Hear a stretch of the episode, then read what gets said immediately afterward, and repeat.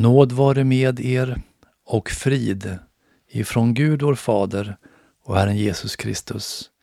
Amen. Jag har fått uppgiften idag att tala över ämnet inledning till Saltaren. Vi har många olika typer av böcker i Bibeln. Saltaren har sin alldeles egna stil. Den beskriver det innersta i människans själ. Här får människan både brottas med olika problem men också tröstas av Gud och lovsjunga honom. I Saltaren står den tillbedjande troende med sitt hjärta vidöppet för Gud. Den lutherske prästen Johan Arndt skriver Vad hjärtat är i människan, det är Saltaren i Bibeln. Och Martin Luther han säger om denna bok Saltaren varje kristen som vill överflöda i bön och växa i fromhet borde göra Saltaren till sin handbok.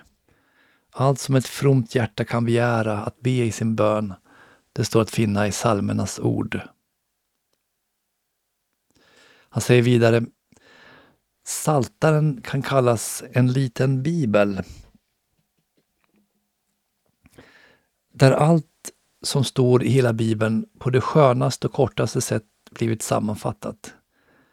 Det som den helige Ande hade gjort sig mödan att sammanställa en kort bibel och exempelbok om kristenheten för att den som inte kan läsa hela bibeln ändå här ska nästan få hela innehållet i en liten bok. Saltaren berättar inte bara om de heligas gärningar utan återger också deras ord, hur de talat och bett till Gud och hur de alltjämt talar och ber. Den erbjuder oss inte de heligas vanliga vardagstal, utan deras allra bästa ord, som de brukat med stort allvar i samtal med Gud själv i särskilt viktiga ärenden. Därmed visar den oss deras hjärta och deras själs innersta skatt så att vi kan blicka ner i källan och grunden för deras ord och gärningar. Vi kan se vilka tankar de hyst och hur deras hjärta hjärta varit beskaffat och förhållit sig under olika slags omständigheter i nöd och fara och vad de talade till Gud och människor. Ty ett människohjärta är som ett skepp på havet. Det drivs av stormvindar från alla väderstreck. En plågas det av fruktan och oro för stundande olyckor. En tillstöter ängslan och sorg över redan påkommet elände. En fläktar hoppets vind i förväntan om kommande lycka. En fylls seglen med känslan av trygghet och glädje över det goda man redan har. När någon läser och ber dessa ord och ser att de stämmer just i hans situation blir han viss om att vara med i de heligas gemenskap. Det måste ha gått likadant för alla heliga som det nu går för honom eftersom de alla sjunger samma sång som han. Särskilt som han kan tala till Gud med samma ord som dem. Detta kan bara ske i tron, ty orden smakar inte de ogudaktiga. Slutligen, i saltan har vi en pålitlig kompass och en säker vägvisare så att vi utan fara kan följa efter de heliga. Den lär dig att glädja den lär dig att i glädje och fruktan, i hopp och bedrövelse tänka och tala så som alla de heliga har tänkt och talat. Kort sagt, vill du se den heliga kristna kyrkan målad med levande färg och gestalt i en liten bild, så tag saltaren framför dig.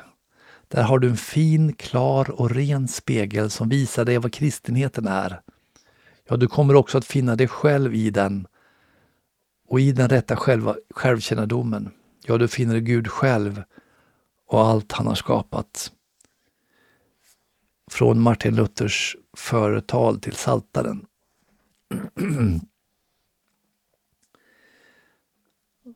Saltaren är den bok som citeras oftast i Nya testamentet, så mycket som 68 gånger.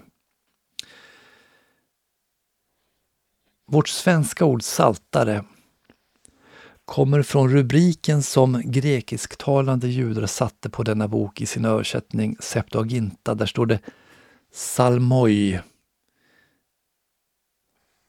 Egentligen betyder det salmerna. Ordet kommer i sin tur från salein som betyder att knäppa med fingrarna. Därför att man knäppte med fingrarna när man spelade på ett särskilt stränginstrument, när man ackompanjerade en del saltarsalmer. I den hebreiska masoretiska grundtexten så finns ingen rubrik på boken. De hebreisktalande judarna kallade boken helt enkelt Tehilim, som helt enkelt betyder lovprisningar. Båda dessa beteckningar, saltaren och lovprisningar eller tehlim, visar på hur boken användes. Den användes i gudstjänsten och i den privata andakten. Man sjöng saltaren och man använde den i liturgin. Och så kan vi läsa i vårt Nya Testamente om hur frälsaren Jesus Kristus själv sjöng saltarsalmer tillsammans med sina lärjungar i samband med påskfirandet. Matteus 26, vers 30. Och aposteln uppmanar församlingen i Kolosse att undervisa och förmana varandra med salmer, hymner och andliga sånger. Kolosserbrevet 3 och 16. Han vill att församlingen i Efesus talar till varandra med salmer, hymner och andliga sånger och sjunger och spelar för Herren i era hjärtan. I Efesierbrevet 5 och 19.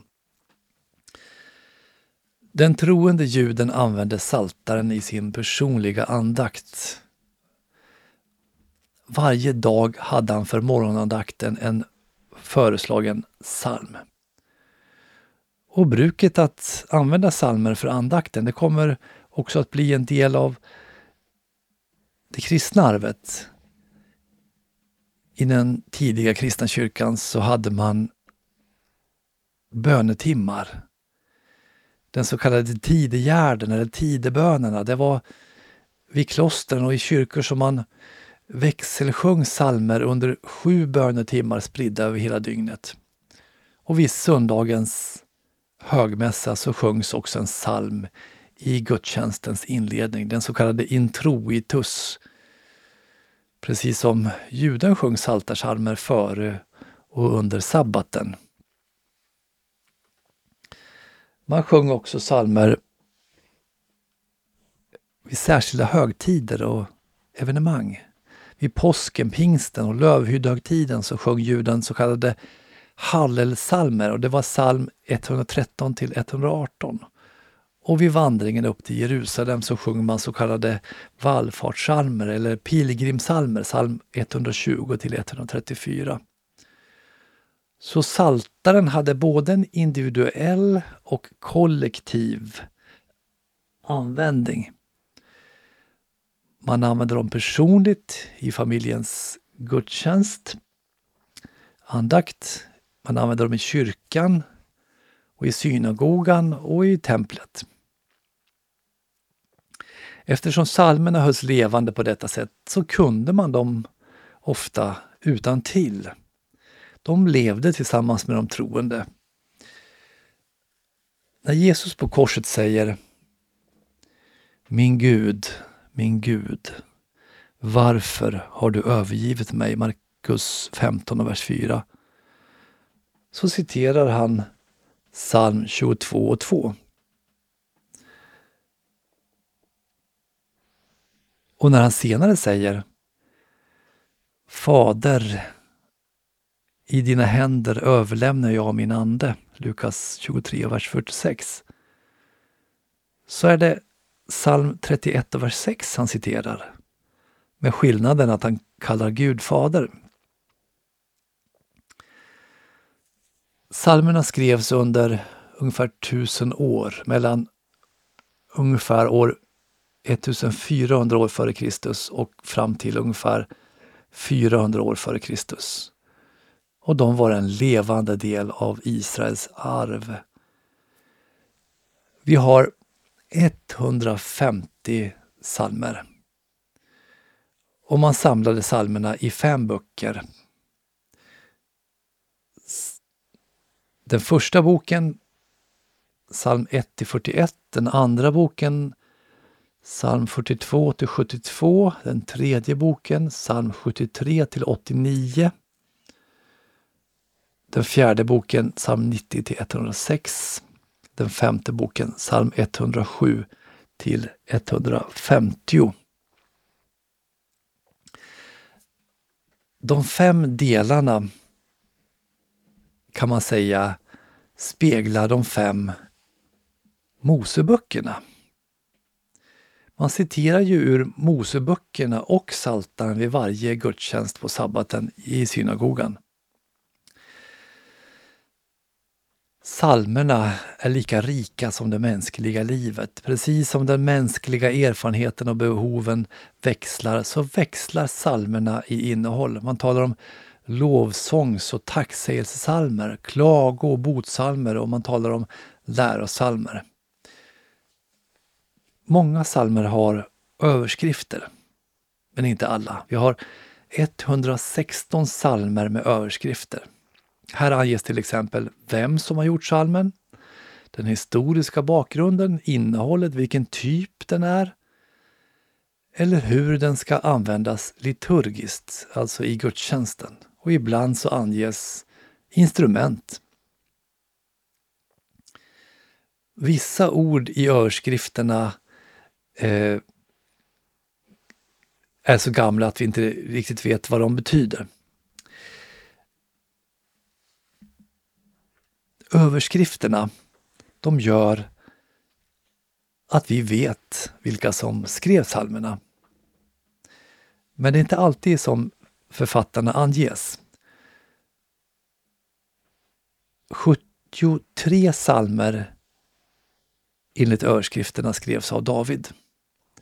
12 av Asaf, 12 av Koras söner, två av Salomo, en av Heman, en av Etan och en av Mose. De övriga är anonyma. Men vi får faktiskt en liten ledtråd till en psalm, vem som skrev den salmen i Apostlagärningarna 4.25 så berättar Petrus och Johannes att det är David som har skrivit psalm 2. En psalm som eh, författaren inte anges i överskriften. Allt sedan bibelkritiken gjorde sitt intåg inom teologin så har det hävdats att till exempel David inte skrev alla de salmer som tillskrevs honom. Man menar, de här liberalteologerna menar att de tillkom mycket senare. De hävdar att rubrikerna, överskrifterna sattes efter den babyloniska fångenskapen. För oss som har studerat bibelkritiken så är det här ingen nyhet. De, de här personerna har ju av någon anledning en sorts fäbless att utan vattentäta vetenskapliga eller historiska skäl få, försöka få olika bibelböcker att framstå som mycket yngre än vad de själva uppger. Samma taktik så har de, har de ju när de angriper Daniels bok och Moseböckerna. Och de uttalar sig ofta med en sorts överlägsen självklarhet som om, om det de säger vore, som om det de säger vore ett självklart faktum. Men om det vore så självklart, då kan man undra varför de själva är så oense sinsemellan. Alltså om man kunde se att det de säger är liksom bevisat, varför är de så oense sinsemellan? Vi kan till exempel se om man ser på en som heter Frans Delitzsch. Han accepterar att 44 salmer skrevs av David. En som heter F.V. Schultz, han säger 17. En som heter Hitzig, han säger 14. En som heter König säger 12, en som heter Evald säger 11, en som heter Riem säger 10. En som heter Batgen säger 1, medan Wellhausen och Gunkel säger ingen. Bibelkritiken har alltså resonerat att överskrifterna kom till efter den babyloniska fångenskapen. En redaktion satte samman rubrikerna men överskrifterna finns i alla handskrifter som vi har tillgängliga. Inte bara i den masoretiska hebreiska texten utan också i den grekiska översättningen av Gamla testamentet, Septuaginta och i Döda havsrullarna. Det är inte så att detta med att sätta rubriker, överskrifter, är någonting nytt, ett nytt påfund. Lingvisten och professorn i Gamla testamentet Robert Dick Wilson som hade studerat de sumeriska och babyloniska eh, sångerna eller psalmerna eller hymnerna där eh, de här texterna på kilskrift är mer än tusen år före Kristus. Han skriver angående dessa texter, de sumeriska och babyloniska texterna. Eftersom många av dessa har sitt ursprung innan Abrahams tid så är de av särskilt intresse angående psalmernas överskrifter. För de visar att det var långt före Davids tid naturligt och vanligt att ha sådana rubriker. Helt klart är det så att de sumeriska psalmerna har i sina undertexter vad de hebreiska psalmerna och Horatius Odena har i sina överskrifter. Vi finner att syftet var detsamma i båda. För de sumeriska psalmerna nämns ibland författarens namn, de musikinstrument som användes som ackompanjemang, den melodi som skulle sjungas eller samlingen som den tillhörde, typen av musikalisk komposition, den gud som skulle tillbes och syftet med salmen. Slut på citat. Om nu skriften konstaterar att David arrangerade musik och skrev psalmer som vi kan läsa om i Första Samuelsboken 16, vers 18 och vers 23, eh, kapitel 18, vers 10, kapitel 19, vers 9, Andra Samuelsboken 6, vers 5 och vers 21 ehm, och så vidare och så vidare. Att det faktiskt finns psalmer av David i böcker som alla är som ja, de flesta forskarna är överens om inte är efter den babyloniska fångenskapen utan före till exempel Andra Samuelsboken 1, vers 17-27 Eh, och kapitel 27 eh, kapitel 22, eh, förlåt, kapitel 23, vers 1-7. Och att det redan på Mose tid i Mellanöstern fanns en praxis att ge biografisk information i psalmtexter så är det inte alls underligt om David skrev alla de psalmer som bär hans namn. Alltså det finns psalmer citerade innan Saltaren. Eh, och det finns en praxis, och de har ju också överskrifter, vissa av dem. Och det finns också en praxis eh, i Mellanöstern som jag läste om, bland sumererna och babylonerna, att ge överskrifter. Det var inte alls underligt eh, att David skulle ha eh, gett, skrivit salmer och gett överskrifter som bär hans namn.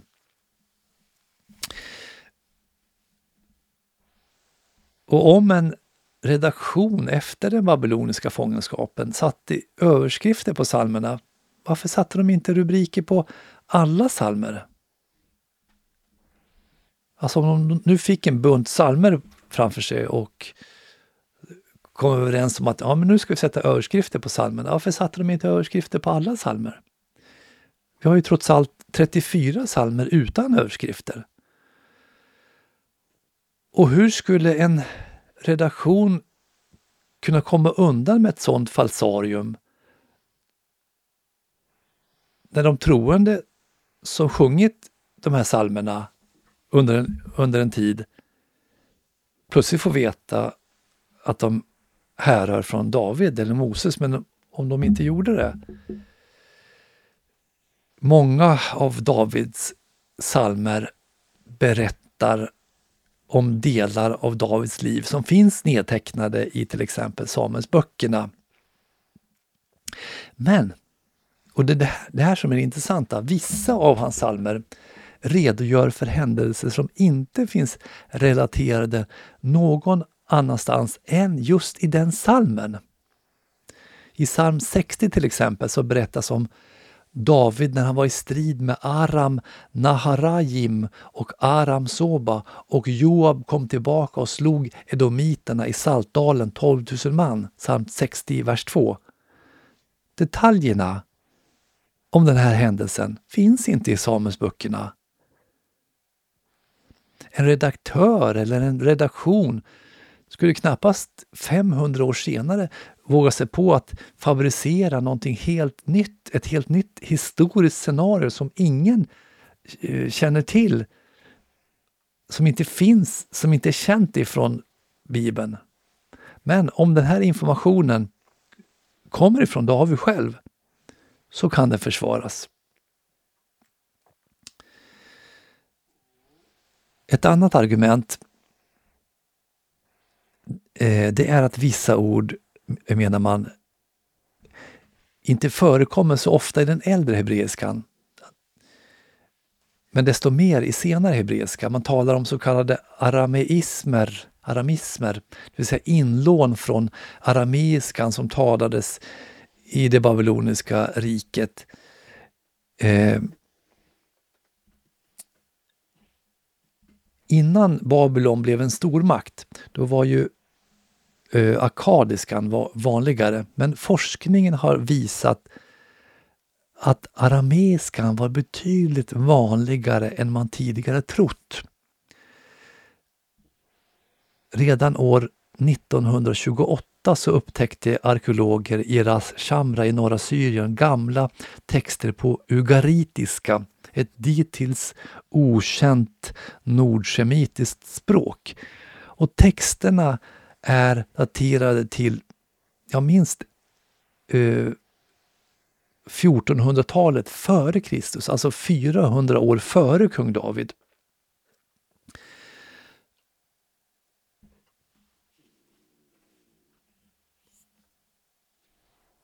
Och om dessa ugaritiska texter säger professor Gil Archer så här. Han säger att denna blandning av kananeiska och arameiska var mycket vara mycket tidigt ursprung. Det indikeras av den ugaritiska litteraturen från Ras Shamra. Första Mosebok gör det klart att arameiska influenser verkade på hebreiskan på ett tidigt stadium, under perioden mellan landets erövring och Sauls regeringstid. Så var kontakterna med arameisktalande folk utan tvekan minimala, men med utvidgningen av den hebreiska maktsfären under David och Salomo till gränsen mot Hamat och västra stranden av Eufrat, där man måste ha haft ett rikt utbyte av kulturella influenser och språkliga kontakter med arameiska Damaskus, Hadrak, Soba och Hamat. Ett stort antal hebreiska ord som de har klassificerat som arameismer visar sig vid närmare undersökning kunna göra anspråk på att vara autentiska hebreiska ord eller åtminstone härledda från feniciska, babyloniska eller arabiska dialekter snarare än från arameiska. Så argumentet att språket inte är så gammalt håller alltså inte.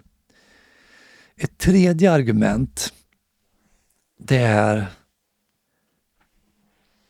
att David talar om sig själv ibland i tredje person.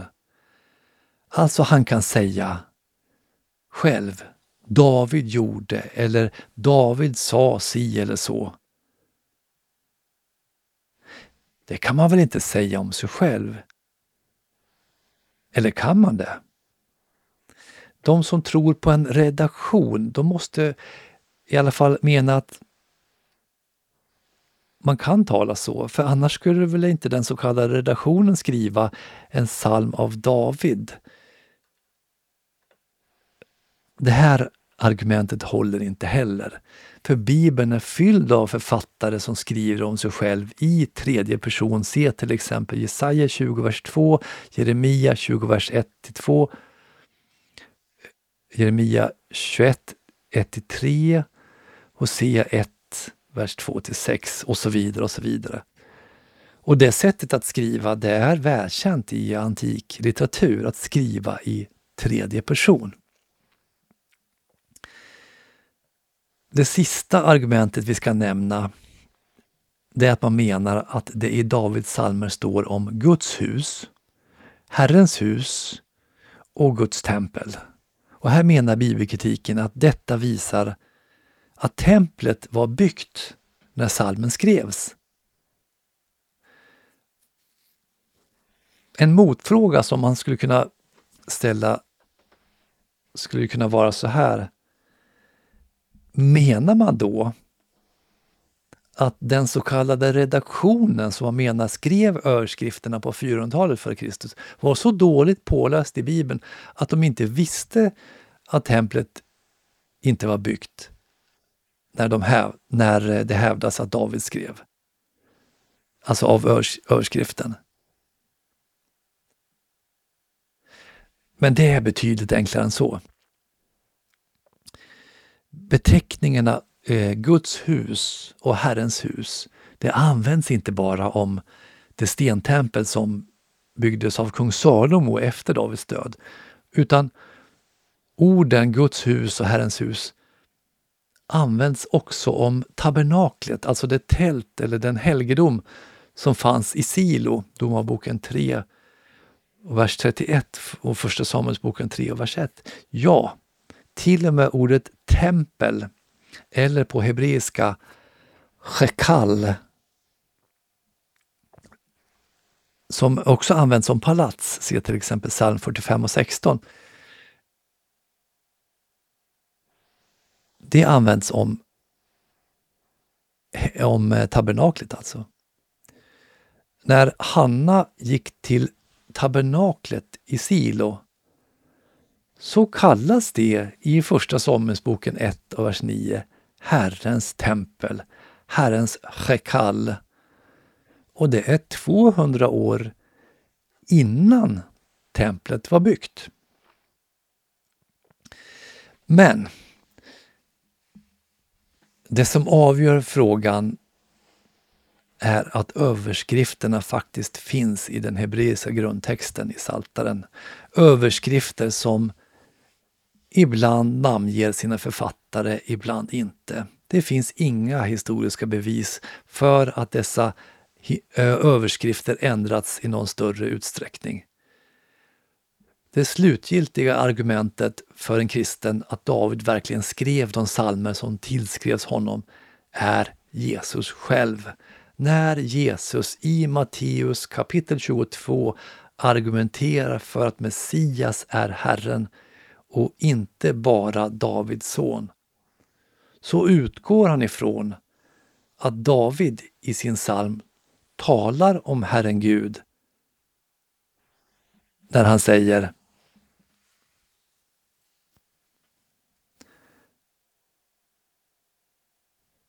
Herren sade till min Herre. Det är alltså Jesus som säger, citerar salmen där det står Herren sade till min Herre, Säg, sätt dig på min högra sida tills jag har lagt dina fiender under dina fötter. Och så säger Jesus, om nu David kallar honom sin Herre, hur kan då Messias vara Davids son? Matteus 22, vers 44 och 45.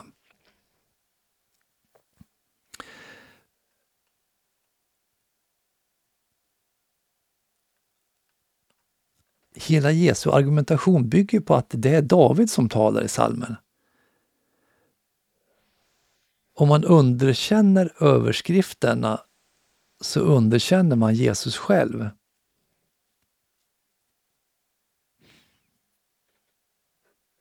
Men vi som är kristna, vi tror ju på det Jesus sa.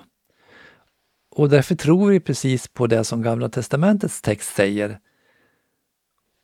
Vi tror ju att hela skriften är Guds ord. Vi tror att psalmerna skrevs av David, av Asaf, av Koras söner, av Salomo, av Heman, av Etan och av Mose och några anonyma författare. Men ytterst är det Gud själv som har ingivit vartenda ord i den heliga skrift. han har gjort det genom att ta olika mänskliga skribenters stil och ordval i bruk. Att psalmisterna verkligen var under inflytande av den helige Ande, det ser vi av Första krönikboken 25 och vers, vers 1-7. Och det här är intressant. Vi läser David tillsammans med befälhavarna avskilde Asaf, Hemans och Gedutuns söner som skulle tjänstgöra som profeter med harpor, saltar och cymbaler. Detta är förteckningen på dem, de män som fick utföra denna tjänst. Av Asafs söner Sakur, Josef, Netanja och Asarela. Asafs söner under ledning av Asaf som profiterade på kungens uppdrag. Av Jedutun, Jedutuns söner Gedalja, Seri, Jesaja, Hassabja, Mattia, sex till antalet med harpor under ledning av sin fader Jedutun som profeterade med tacksägelsesånger och lovsånger till Herren av Heman, Hemans söner Bukia, Matanja, Usiel, Sebuel och Jerimot, Hananja, Hanani, Eliata, Gedalti och Rom, Romanti Eser, Josbekasa, Maluti, Hutir, Mahasiot. Alla dessa var söner till Heman, som var kungens siare enligt det löfte som Gud har gett att han skulle upphöja hans horn. Därför gav Gud Heman 14 söner och tre döttrar. Alla dessa stod var och en under sin fars ledning när de utförde sången i Herrens hus till symboler, saltare och harpor vid tjänsten i Guds hus. De stod under kungens, Asafs, Jedutuns och Hemans ledning. Antalet av dem och deras bröder som undervisats i att sjunga till Herrens ära. Alla kun kunniga i det utgjorde 288. Här namnges flera av dem som vi vet skrev salmer, till exempel David, Asaf och Heman. Och man beskriver att de som författade salmerna tjänstgjorde som profeter alltså Guds utvalda språkrör. De profeterade, ja det står de var siare, ett annat namn på en profet. Det handlar alltså inte bara om mänsklig poesi utan om att tala Guds ord genom sina sånger, genom sina psalmer. Som vi tidigare nämnt har psalmerna ett väldigt skiftande innehåll. Man talar om klagosalmer. Salmisten lägger fram sina problem inför Gud och ber att Gud ska hjälpa. Ibland är det hela församlingen som kollektivt talar inför Gud. Ibland är det en enskild individ som vill utgjuta sitt hjärta inför Gud. Vi har också lovsångssalmer dessa manar Guds folk att förundra sig över Guds egenskaper och handlingar i historien. Ibland fokuserar de på vissa egenskaper hos Gud, till exempel hans godhet, psalm 145, eller hans kungliga storhet i skapelsen, psalm 93. Tacksägelsesalmer, det är salmer som uttrycker tacksamhet till Gud för hans bönesvar. Men inte alla salmer riktar sig till Gud. Vissa talar om Gud och hans lag på ett undervisande sätt, till exempel psalm 119. Det är lärosalmer. Och så har vi visdomssalmerna som tar upp teman ifrån visdomsböckerna. Ni vet Jobb, Ordspråksboken, Predikaren, Höga visan och så vidare. Till exempel psalm 1 och psalm 37. Vi har också en sorts tillitssånger, psalmer. Mest känd bland dem är kanske psalm 23 som, visar dem, som talar om hur Gud finns och han finns med även i det svåra. Herren är min herde. Uh, och han är med både i dalen och mörkret och på de gröna ängarna. Kungasalmerna. De lyfter fram främst Davids kungadöme. det beskrivs som unikt och utmärkande. Här finns böner, till exempel psalm 20, tacksägelser, till exempel psalm 21. David är i sin person en bild på den ideale troende, ett mönster för den gudfruktige. Men han är också unik som konung. Men genom att tillskriva den som sitter på Davids tron närmast överjordiska och fullkomliga drag så förstår vi att Davids kungadöme främst är ett mönster eller en förebild, se psalm 20-21. Endast Messias, han som är Davids son, men också mer än Davids son, han är ju Guds son, kan passa in i de penseldrag psalmisten ger kungen på Davids tron. Psalm 2 och psalm 72. Det blir också ibland mer tydligt att psalmisten inte bara talar om sin samtid utan också om en avlägsen framtid i sina kungasalmer, till exempel psalm 110. I de historiska psalmerna tar vi lärdom av historien om Guds handlande med sitt folk. Och så har vi, där har vi som exempel psalm 78. Och så har vi profetiska hymner eller psalmer som återspeglar teman som vi finner hos just profeterna. Framförallt det här sättet att tala till folket om troheten till förbundet. Det gjorde ju ofta profeterna. Och här har vi till exempel psalm 81. Vi har andra teman hos psalmerna, till exempel ånger, psalm 6 och psalm 25, psalm 32, psalm 38, psalm 51 och så vidare. Vi har hävdande av oskuld, psalm 26, längtan efter Gud, psalm 27 och det finns psalmer med böner om hämnd eller rättvisa, upprättelse. Det finns psalmer som verkar ha skrivits för särskilda liturgiska tillfällen, till exempel psalm 24 och möjligen psalm 68 och 118. Alltså i, för gudstjänsten.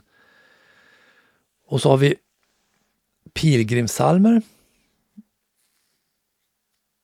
Psalm 120 till 134, det vill säga psalmer som man, som vi nämnde, som man sjöng när man vandrade upp till Jerusalem och templet i samband med högtider.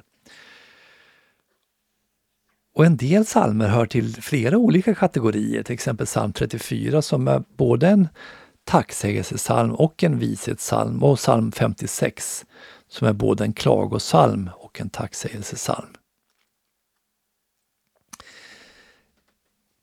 Vi säger att Saltaren är en poetisk bok. Det betyder att den ofta har ett språk som innehåller bilder och symboler. Men det betyder också att språket har en poetisk rytm.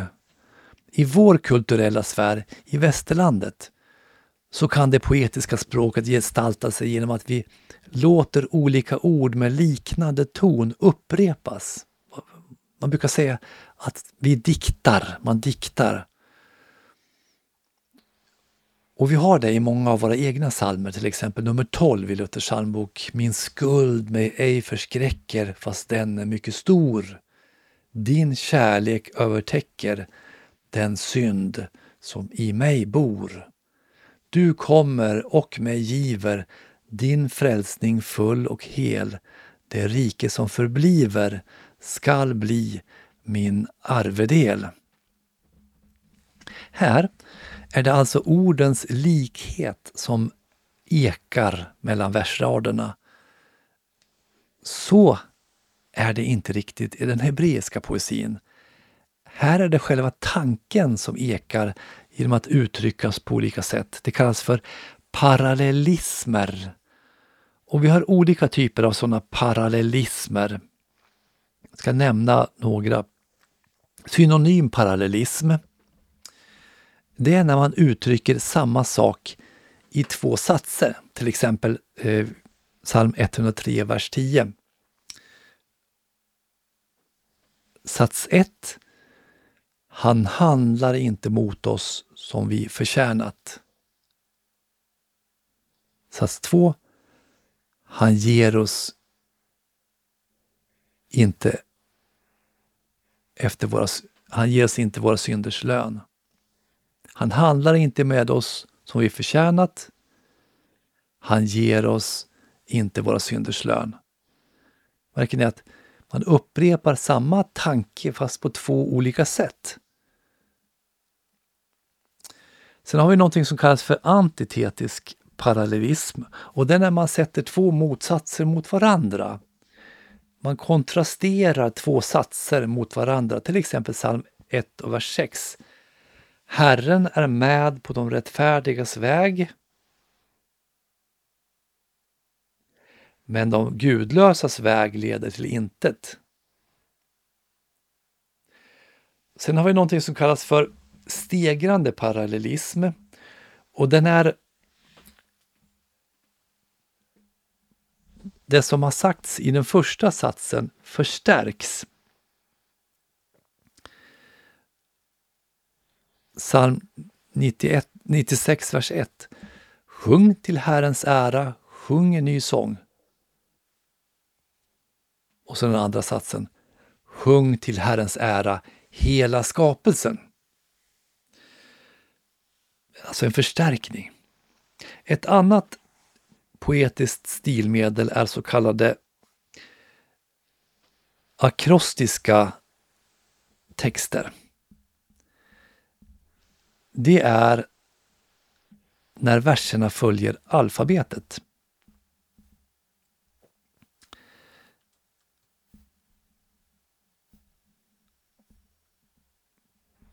Det första ordet i varje strof börjar på någon av de 22 olika konsonanterna i det hebreiska alfabetet i ordningsföljd.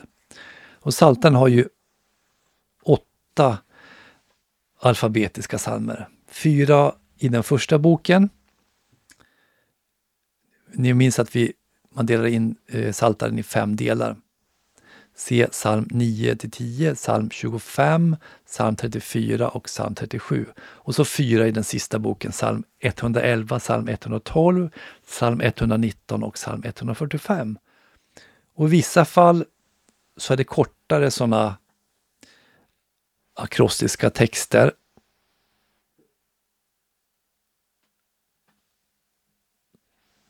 Där det är bara två verser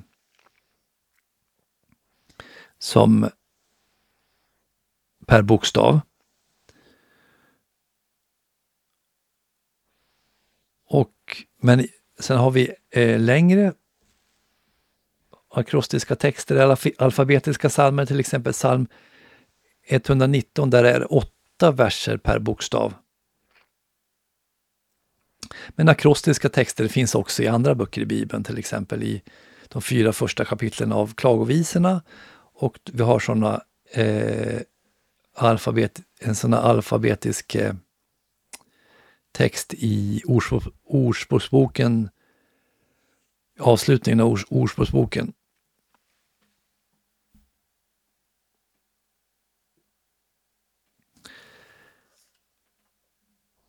Eftersom vi inte vet hur musiken, stämmorna eller noterna arrangerades i psalmerna så är det inte underligt att vi har några ord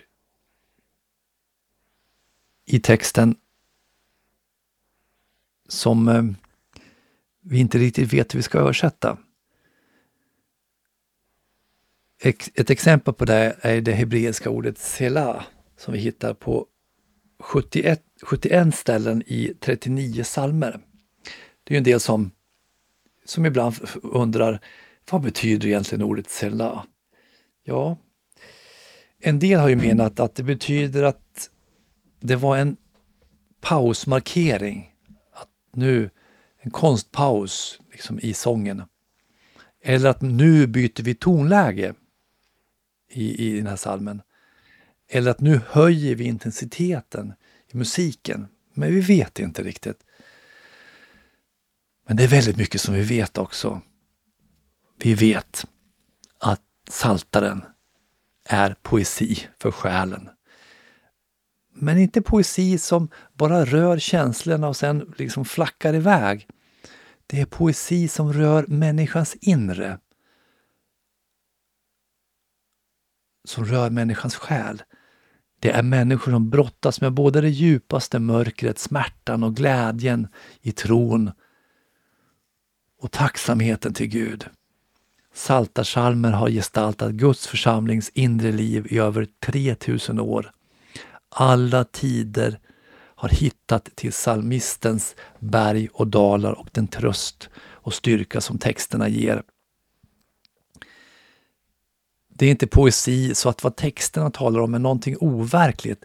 Det är poesi som talar om verkligheten. Men verkligheten där de enkla orden liksom inte räcker till utan måste gestaltas med bilder och analogier när verkligheten blir för stor för de vanliga beskrivningarna. Då tar åskådaren hjälp av poesin som ett språkligt hjälpmedel.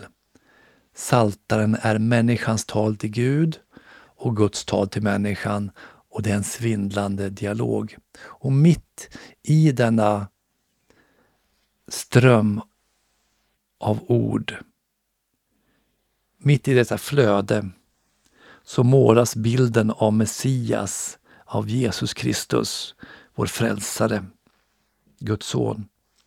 Ibland är det tydliga profetier som ingen kan ta miste på.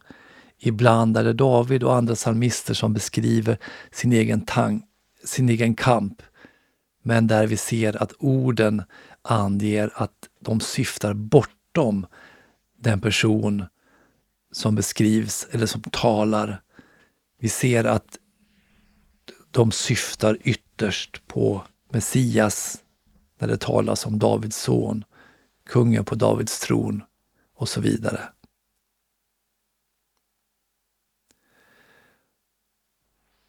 Det gör att Saltaren innehåller både lag och evangelium. Den undervisar oss både om hur vi ska leva och om Guds nåd i Kristus. Och så får Saltaren också vara vår bönbok. Man, man kan sjunga den, men man kan också be sig igenom Saltaren precis som judarna gjorde i sina morgonböner och som de kristna gjort med den så kallade tidegärden.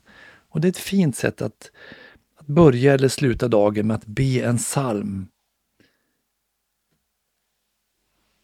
I familjeandakten, i den privata andakten.